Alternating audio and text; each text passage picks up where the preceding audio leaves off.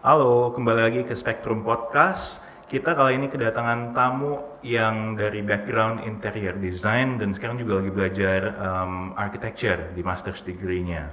Uh, Daud bisa cerita-cerita sebentar lagi, tapi Daud Wijaya ini datang dari Surabaya, datang ke Melbourne tuh tahun 2004, uh, completed his diploma dari RMIT, uh, terus Bachelor of Design-nya, uh, which is interior design, itu di Swinburne University.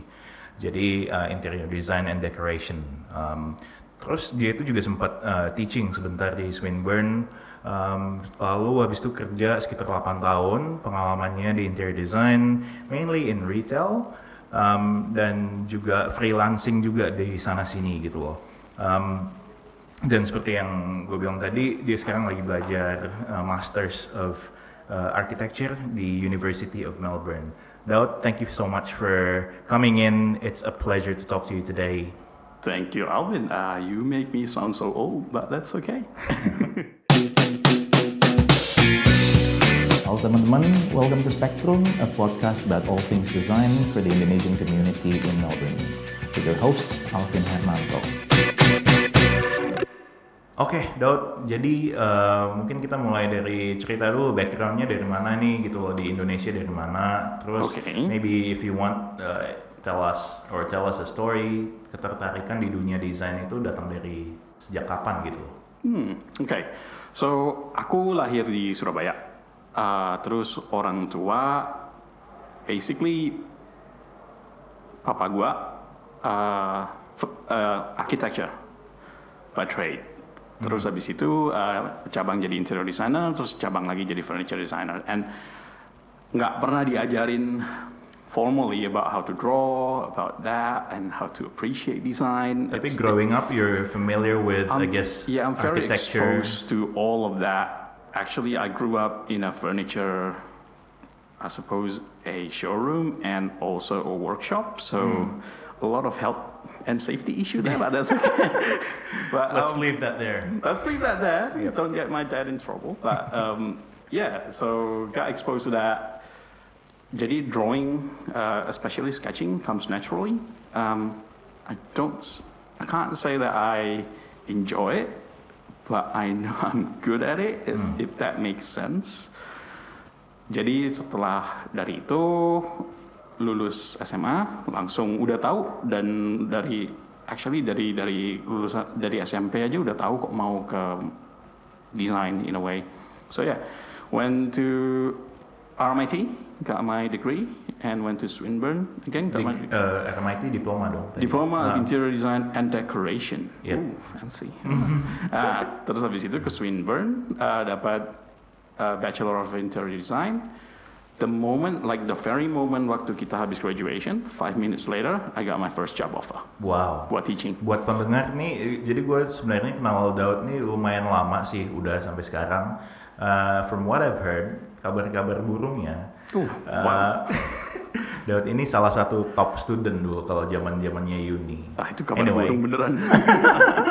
Nah, Terus gimana? Terus gimana? Ya, ya uh, Dapat kerjaan kan? Dapat kerjaan, ah. terus habis itu ngajar kira-kira hampir setahun, dapat kerjaan. Well, I suppose at that time aku mikirnya real world job, which is the industry job. Hmm.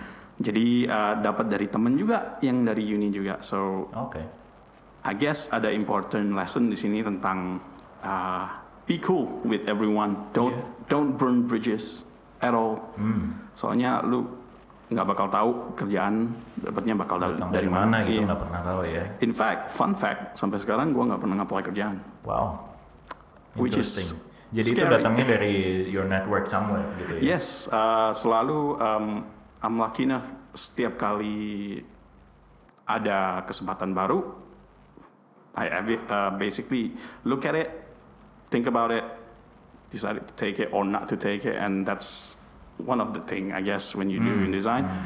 But yeah, uh, nggak pernah nggak pernah Awesome, kerja so far, which Yeah. scares me because Yeah, at one yeah. point I will need to. You will need to. Yeah. Cuman uh, tadi jadi uh, apa namanya? Jadi habis kuliah gitu dapat kerjaan kan? Mhm. Itu kerjanya interior design. Interior design. Uh, itu di mana tuh? Pertama kali ada company namanya ACRD, Mm-hmm. uh, specialize buat desain-desain retail. So Retail imagine itu dalam artian berarti toko-toko, shops toko-toko, gitu yang di yep. shopping center. Yep, shopping Yep. center and all that, and it's it's an excellent opportunity buat yang interior designer out there yang mau basically if you kendala utama anak-anak uh, uni buat keluar basically oh nggak ada portfolio. Hmm. If you get into retail early, it's awesome because di retail satu project 2 sampai tiga minggu. Hmm, cepat So ya. imagine how many projects you get within a year, and that's assuming you work on one project just alone. But you never do that. You always work in two, three, Yeah. or four. Yep. So that's a good way to basically build up your portfolio. Dan dari sana you can reevaluate whatever value you have, I guess. Hmm, lalu habis dari jadi di ACRD itu yang berapa lama kerja? Uh, Kurang lebih hampir tujuh tahun. hampir tujuh tahun. Hampir tujuh tahun. then after that you continue working kan? Yep. Ah. Uh, dari teman yang dulu di ACRD juga, tiba-tiba ada ACRD. Well, actually put it this way, buat jelasin proses mikir aku ya. ACRD waktu aku mulai lima orang, and it grew within seven years. At one point it became 30 orangan. Wow, oke. So yeah, Yep. it's a big company. Um, terus habis itu ada temanku yang basically an ex workmate dari ACRD, Hmm.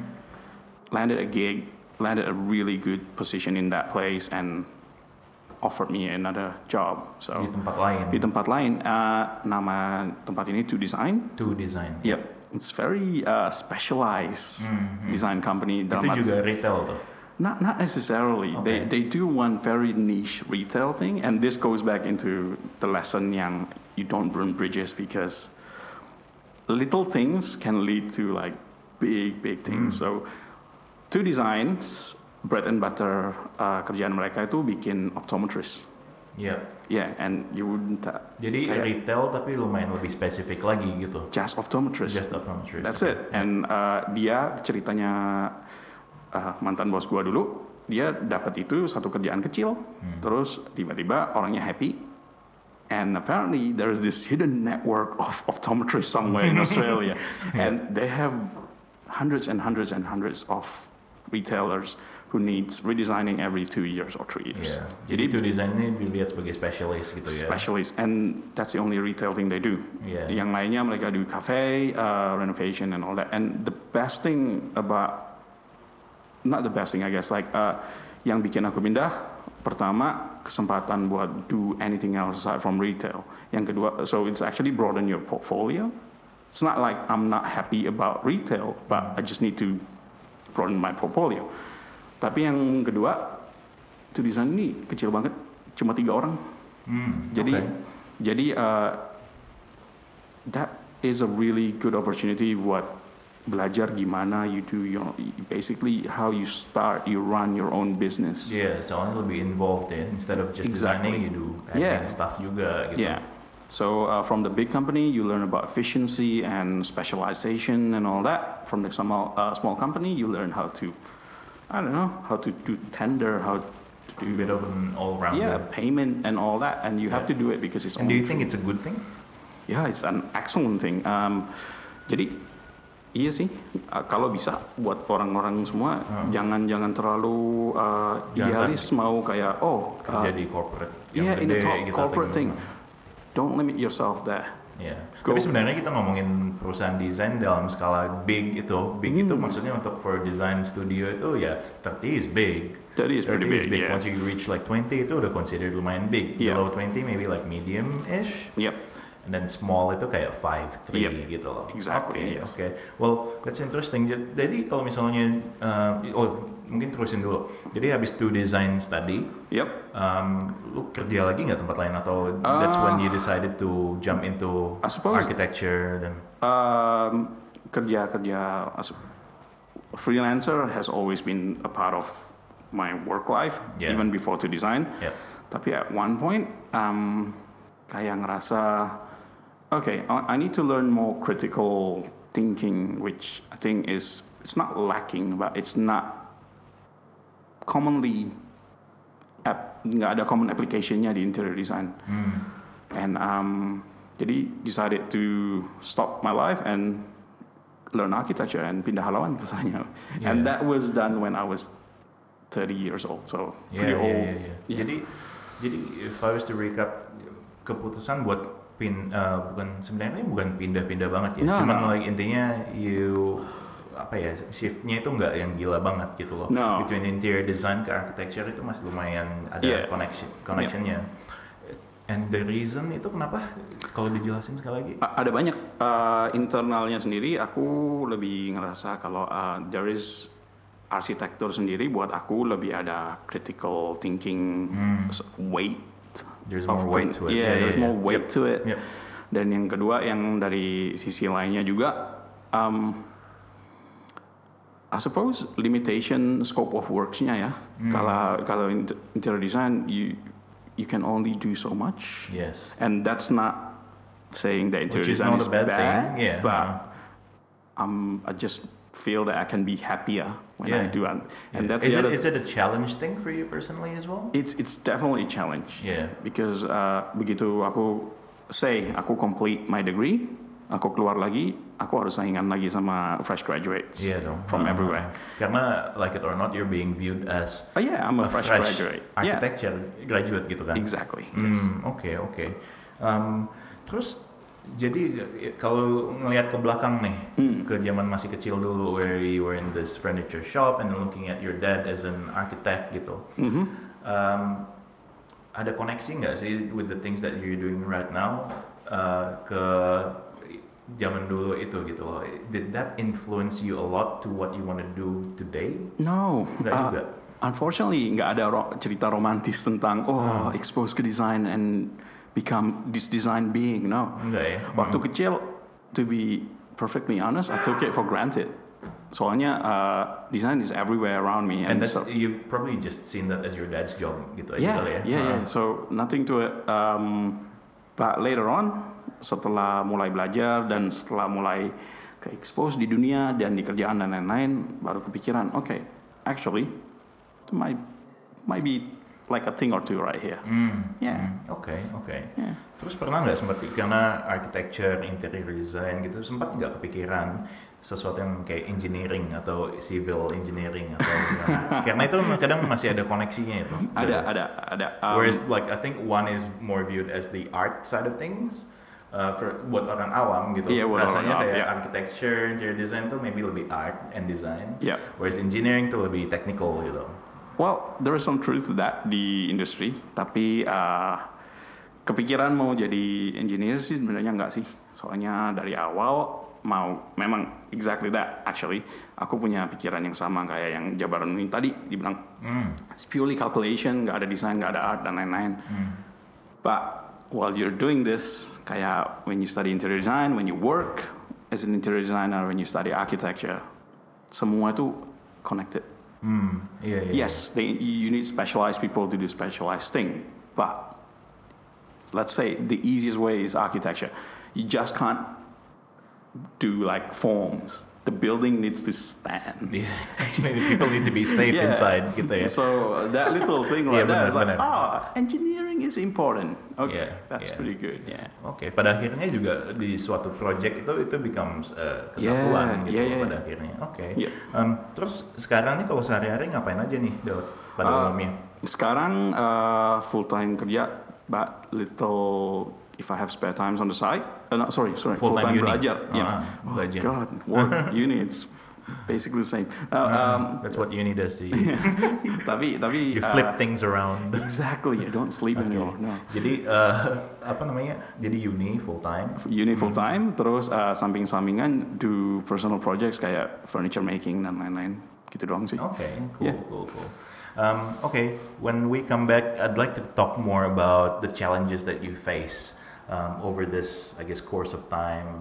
Mau baik itu kerja atau zamannya masih student until today Yeah. kembali lagi jadi student gitu loh. I think that will be a very interesting subject. Uh, so stay tuned, guys.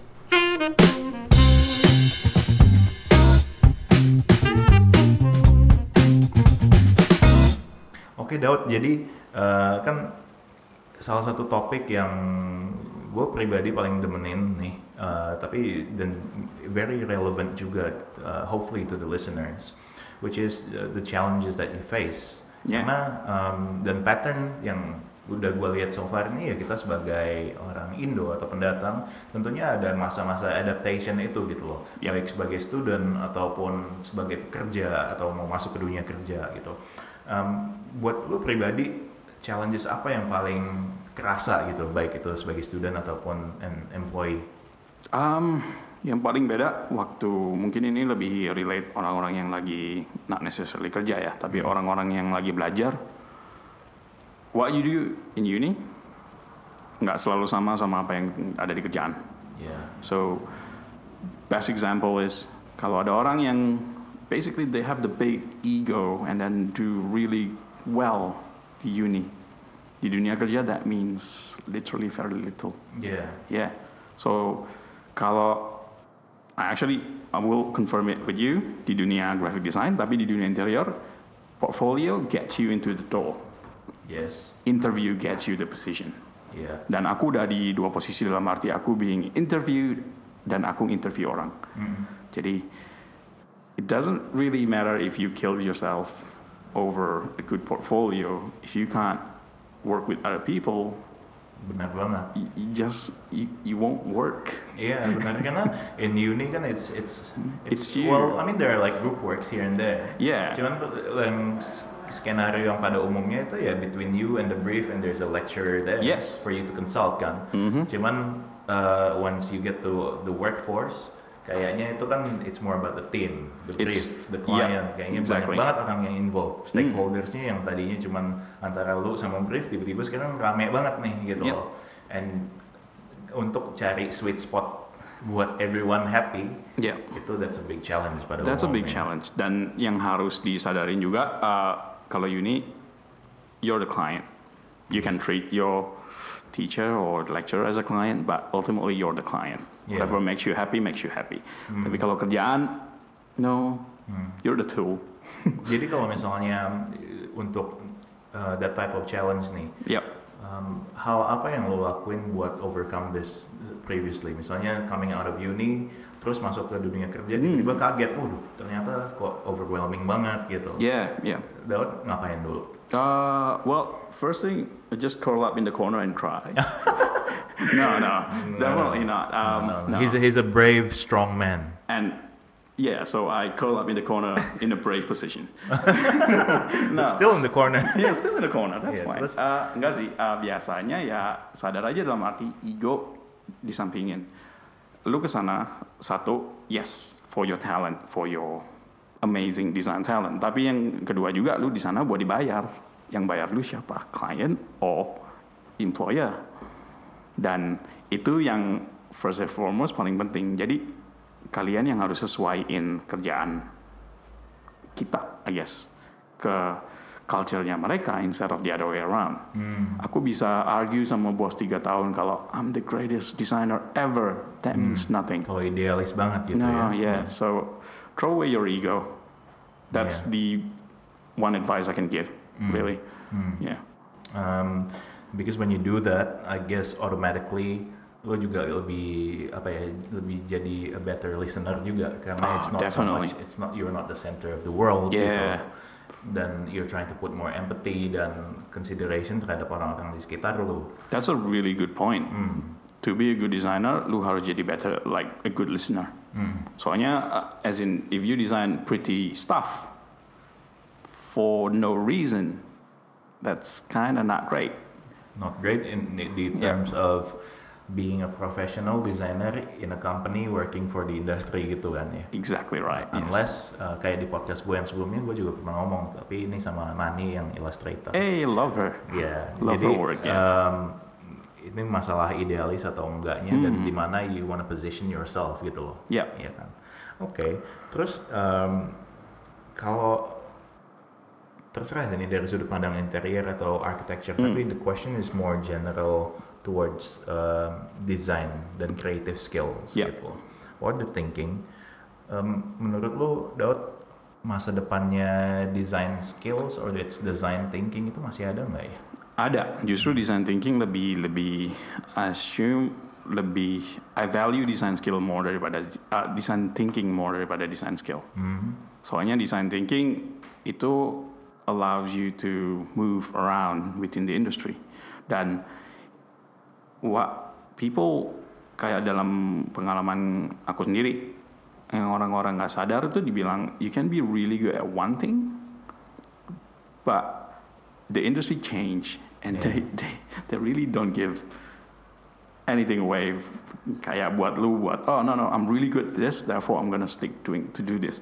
Nah that doesn't work. So Kalau misalnya from your point of view, seorang desainer yang sekarang, seorang desainer muda sekarang, let's say baru lulus dari uni ini, Yeah. with say a certain level of knowledge of the tools, Yeah. entah itu um, Adobe atau 3ds Max or whatever it is, Yes. atau Premiere Pro, like whatever is relevant to their industry. Mhm. Mereka punya skills itu up to a certain level, tapi waktu mereka masuk ke industri tentunya mungkin lebih belajar efficiency and more of Yeah, that yeah. kind of stuff. Yeah. Terus, okay, that's one set of the skills kan. Mm-hmm. Lalu ada the whole design thinking that I guess has been more emphasized in universities, which is like you know your whole process, the methodology and all that yang lebih thinking side of Yeah. things. Kalau lu bandingin itu dua di masa depan tuh lebih penting yang mana atau dua-duanya itu justru saling melengkapi? Dua-duanya Nah. penting ya, soalnya design skill allows you to get things done. Tapi design thinking, uh, uh, design sorry, design skill allows you to get things done. Tapi design thinking itu that's the first thing that decide what you're designing on the first place. Hmm. Dan satu lagi yang uh, aku setelah Karena se- um, ideally you start from the thinking, lalu Yeah. to, to execute ya you And need the skills gitu. Design thinking right here, I'm not talking about yang kita, and I'm pretty sure semua desain kerasa yang kita begadang sampai jam 4 pagi tiba-tiba Yep. kayak at one point, oh my Yep. god. No, that's not it. Design thinking itu justru, uh, in a way, kita harus lebih kritikal buat analyze the way we analyze design. Jadi kalau kita tahu gimana cara kita desain dan gimana cara kita approach a certain problem, kita bisa reverse engineer it. Jadi kalau kita buntu, Hmm. kita lebih tahu gimana. tahu oh, gimana. Ah. maybe that's a thing. And sounds easy. Trust me, it's not. Hmm. Yeah, Uh, yeah.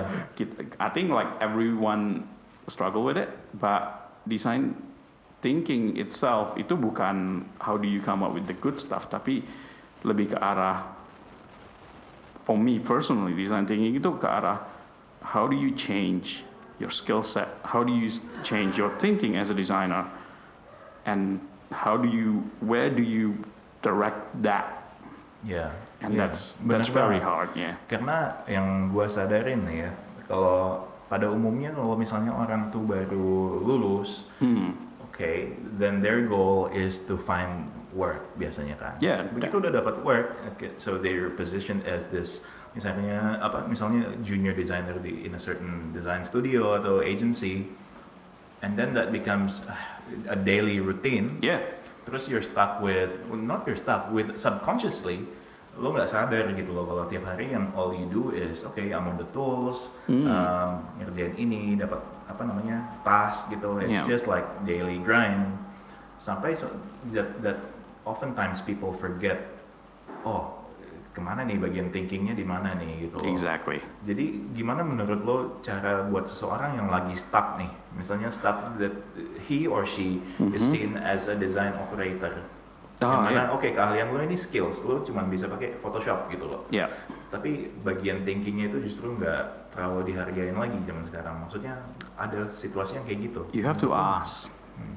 Proaktif gitu ya. proaktif Ah. Uh, kalau tempat kerjaan lu bagus mereka bakal kasih lu kesempatan Hmm. tapi kalau tempat kerjaan lu cuma basically say no and say like no no no you sit in your corner And see do your your thing value as just an operator. Yes. Yeah. And kalau itu kejadiannya, sekarang lu mesti mikir lagi. Yeah. Lu And mau nggak lanjut di sana? So in a way, it's all about what makes you happy. Jangan takut kayak oh takut ngomong sama perusahaan ntar dipecat atau dan lain-lain. Hmm. Oh atau jangan terlalu juga on the other polar opposite side of things. Jangan terlalu precious dalam arti mikir oh perusahaan ini kalau gua pergi perusahaannya hilang. Nggak mungkin. Nggak mungkin. Nggak mungkin, nggak mungkin. As in, they've, they've got their business before you, so they're You- just gonna continue with as, that. as as hurtful as it is, Oh, you yeah. are replaceable gitu oh, ya. I'm very. Oh, I had that that numerous experience about that, Hmm. and that that hurts. Tapi itu yang bikin kita belajar dalam arti, okay, if you, they treat you like numbers, Hmm, do you want to be treated like that? benar. If you Jadi don't- ini it's, it comes back to cara lu reflect ke diri lu sendiri Yeah, yeah. and your purpose in life. Yeah. You think of it in a bigger picture. Hmm. Jadi you can work backwards dan lihat oh today I'm doing this is Yeah. it relevant nggak gitu atau how much longer will I allow myself to do this? Yeah, and it's Okay. it's difficult. Soalnya ada barrier lain kayak misalnya lu say Indonesian di Melbourne, so you ngerasa juga oh maybe aku nggak dapat promosi soalnya my English skill is not that good. Or another thing like dan ini mungkin aku ngomongnya agak agak I feel like I'm crossing boundary or a bit, but because I'm a, I'm a man. Hmm.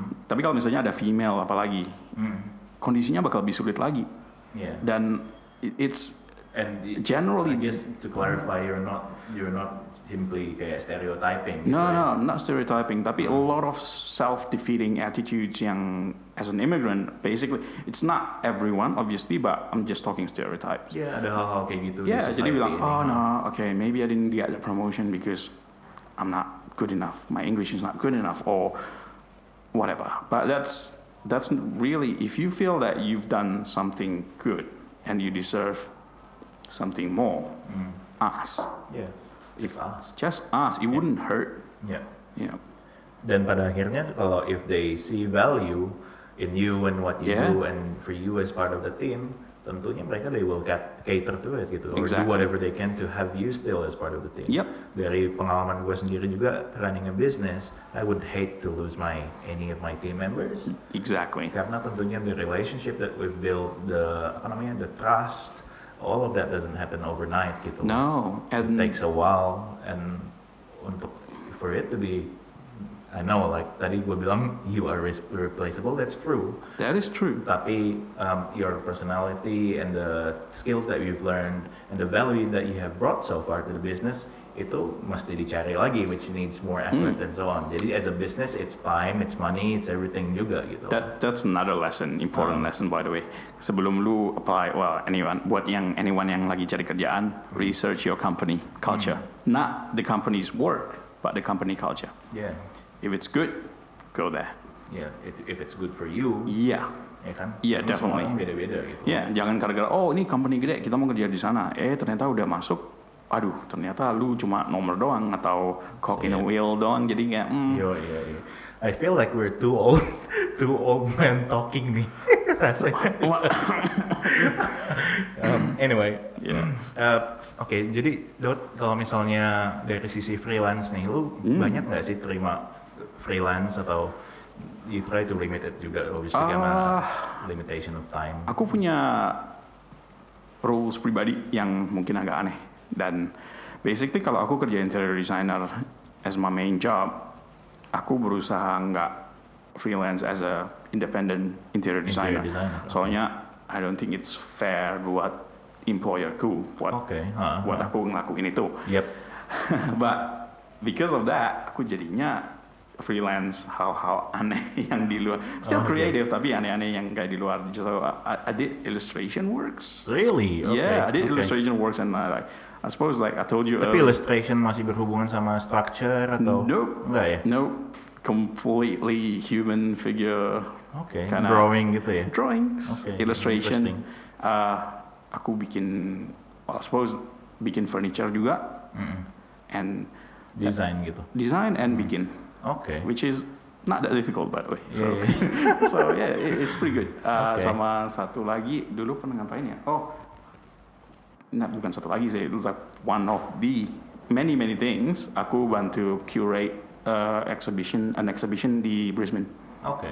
Tapi kalau misalnya the- from the way you explain it gitu, it sounds like freelance kerjaan freelance lo ini bukan it's not about the money atau bukan nyari No. duitnya banget. It- itu lebih No. kayak side project dan Yes.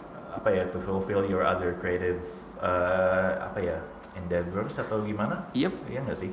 definitely. Yang freelance, tapi juga dibilang agak susah juga ya. Soalnya kita sebagai desainer, nggak peduli interior designer or maybe graphic designer juga, kita dasarnya semua kan freelancer juga. Iya. Meskipun iya, kita iya. kerja full time sama orang, Pak. Iya, there will be someone yang minta, eh tolong dong bikinin ini atau desain Exactly. itu. Iya, So- ada kayak gitu ya. So freelancer, you can't escape it. Jadi kayak for Yeah. yourself, the term freelance, for Daud as a freelancer, Hmm. itu lebih lebih artinya apa itu? Karena misalnya kalau gua pribadi dulu, Yeah. gua freelancing itu benar-benar tujuannya ya side hustle gitu loh. Yeah, yeah. It- Kalau buat Daud gimana? pretty much the same. Oh ya? Iya. Oke, Jadi ah. kayak I'll do the thing that I like and might as well get paid for it. Hmm. Yeah. Oke oke. Em, terus em, kalau soal ngomongin soal motivation and how do you keep yourself motivated on a daily basis, Yeah. so, supaya hidup lebih berarti gitu rasanya. Waduh, Cile. waduh gila. deep deep. Uh, what are the things that you do or like hal-hal apa gitu yang membuat lu motivated? Ah, it's not difficult buat aku ya dalam arti um, soalnya I think long term but I don't think about tomorrow if that makes sense. Oke. So I lived in today but I Yep. do have long term thinking. long run, yep. Yeah, jadinya lu nggak i- basically live for today. That's that's the only thing. Um, jadi kalau misalnya lu sekarang, say aku sekarang lagi uni, aku 100% di uni. On a daily Yeah. basis, micro itu uni gitu. Yeah, my, my thinking right now is I want to learn as much, as many things as possible. Dan da- begitu aku keluar, I got more options. Or I learn more, therefore I can help more people doing more things. Yeah, that kind of stuff. Oke, oke. Terus em, kalau misalnya picture, I'm picturing yourself ini dulunya student udah belajar keras banget nih, udah di- diploma. Possibly eh, not that hard. Yeah. Well, let's let's say it that way lah. Gitu. Iya, iya, oke. Terus dari gitu, you've you've been successful as a student. Let's put it that way. Terus dari gitu, lu masuk ke dunia kerja nih, lama, 8 tahun gitu. Mhm. Setelah itu balik ke uni lagi, and boleh confirm nggak ini lagi stop working full time kan? Oh iya, Uh, last year I decided soalnya nggak fail juga dalam arti Attentionnya ya. attentionnya kebagi sama uni, dan Uni. kerja. So I- Nah, I don't think full time lagi. Yeah, exactly. Ah, ah. Uninya cuma boleh full time, unfortunately. boleh full so time, there is no oke. option for There me. no option. Yeah. Jadi intinya my question is buat lo ninggalin dunia kerja terus untuk jadi student lagi gitu for a certain period of time lo ada ngerasa agak-agak ketinggalan nggak sih gitu lo sama orang atau people your age ada perasaan kayak kayak gitu atau you don't care about it because you have this north star that you're going to Yeah, uh, maybe the second one. Soalnya aku Yeah. juga ngerasa aku punya teman yang satu angkatan juga. Sekarang udah punya doctorate in architecture. It's like, oh that's amazing. Tapi dipikir-pikir lagi, oh berapa lama lu kerja? pengalamannya gitu ha. Not that long. Ada teman juga yang kerja terus, as in lulus uni interior designer sampai sekarang interior designer terus. So kayak what's the point of me comparing myself to them? So there is no point. We have different goal. I don't know that goal to be fair. Tapi itu yang bikin ngerasa dalam just do what makes you happy. Right now I'm really tired, but I'm really happy. Iya, iya. Yeah, so Fulfilling gitu it's ya. it's fulfilling. which is very different mungkin Hmm. mungkin sangat beda waktu kalau dibandingin picturing yourself now working in one of the design studios masih and doing the things that you do for these stores misalnya Yeah, For- for this that would be still fulfilling, but in a different way. yeah At one point in my life, aku ngerasa kalau no, I need to move on. I need to learn something new. There's more to life than this. So. Yeah, yeah, yeah. I did that. But if I didn't have any thoughts like that, aku juga ngerasa bakal fulfilling juga sih. iya So don't regret it. iya No regrets, nothing. Yang paling susah buat transfer dari ker or udah kerja ke uni itu this attitude kalau lu bilang oh I know how to build that things aku tahu gimana cara itu kerja jadi Yeah. lu ke uni datang in this high and mighty attitude saying like no I'm gonna make something that's buildable tomorrow iya soalnya kebiasaan begitu exactly tetapi di uni begitu dilihat sama one of the professors would basically say like yeah I'm not interested in that iya I want you to build like a chapel on the moon what Iya, iya.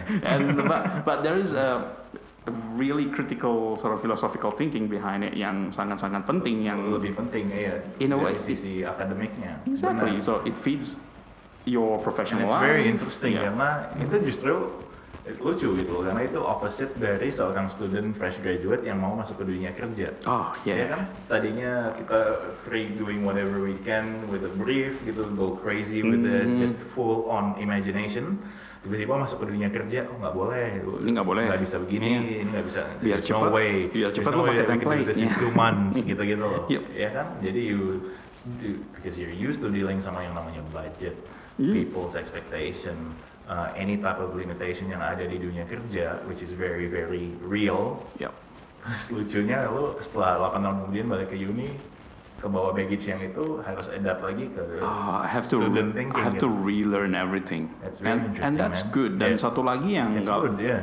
if I can make a general comment, ah, company-company ah, kreatif kalau bisa ada hubung kalau bisa masih ada hubungannya sama uni and this is kayak ini kelihatan banget di dunia arsitek ya. Jadi kayak banyak arsitek yang udah terkenal dia balik ke uni buat ngajar. Hmm. So in, I think it applies to every other uh, sort of creative process as well, like pro- industry, I guess. Itu juga there is this really good link between education sama kerja di industri sendiri.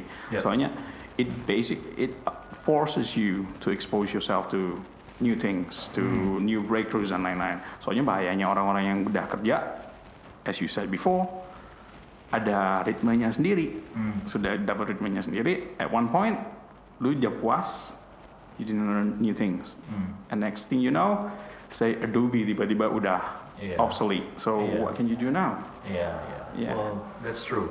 Dan I mean like with all due respect semua orang tuh beda-beda. Exactly. Ada orang yang happy just to do kalau di misalnya apa ya I don't know, let's just say uh, an operational type of work lalu stay seperti itu as long as the, the pay is well, you're being looked after well and then you have good colleagues, Ah, you have a good culture, then that's fine too. There's Yeah. nothing wrong with it. Nothing wrong at all. tentunya ada orang-orang yang misalnya uh, pengen challenge, get challenged more, atau achieve more, atau have have this dream that you want to go into.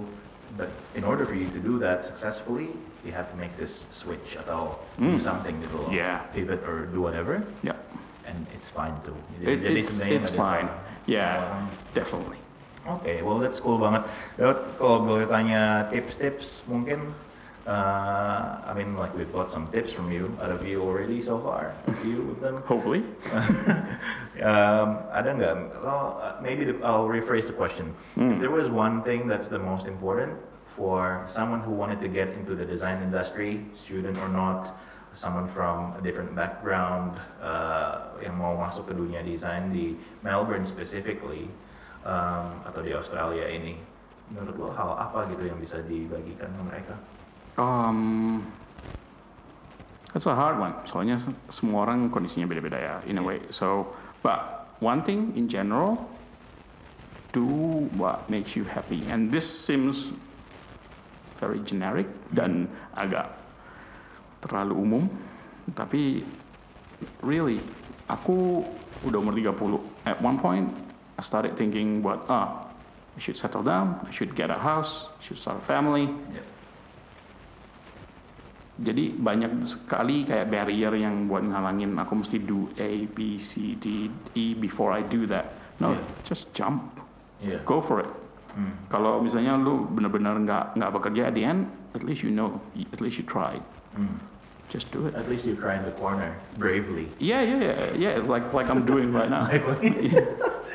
Oke, well, Yeah. thanks banget udah spend waktu nih sama kita. I know your time is precious. No, thank you, thank you. Um, Dan, uh, oh ya nanti if there's any contact details, any type of Yeah, I'm a bit. Yeah, okay. Ada nggak? Nggak, uh, ada sih, ada Facebook dan lain-lain. But I'm a bit sort of uh, old school in a way that. Paling my- nanti kita kalau Yeah. mau, kalau boleh juga No, bagi-bagi kontak good. email atau apa gitu kali Oh, ya. definitely all Okay, good. we'll list Yep. it on the description. Tapi uh, once again, thanks so much, man, for coming in. It's been a pleasure. No worries, man.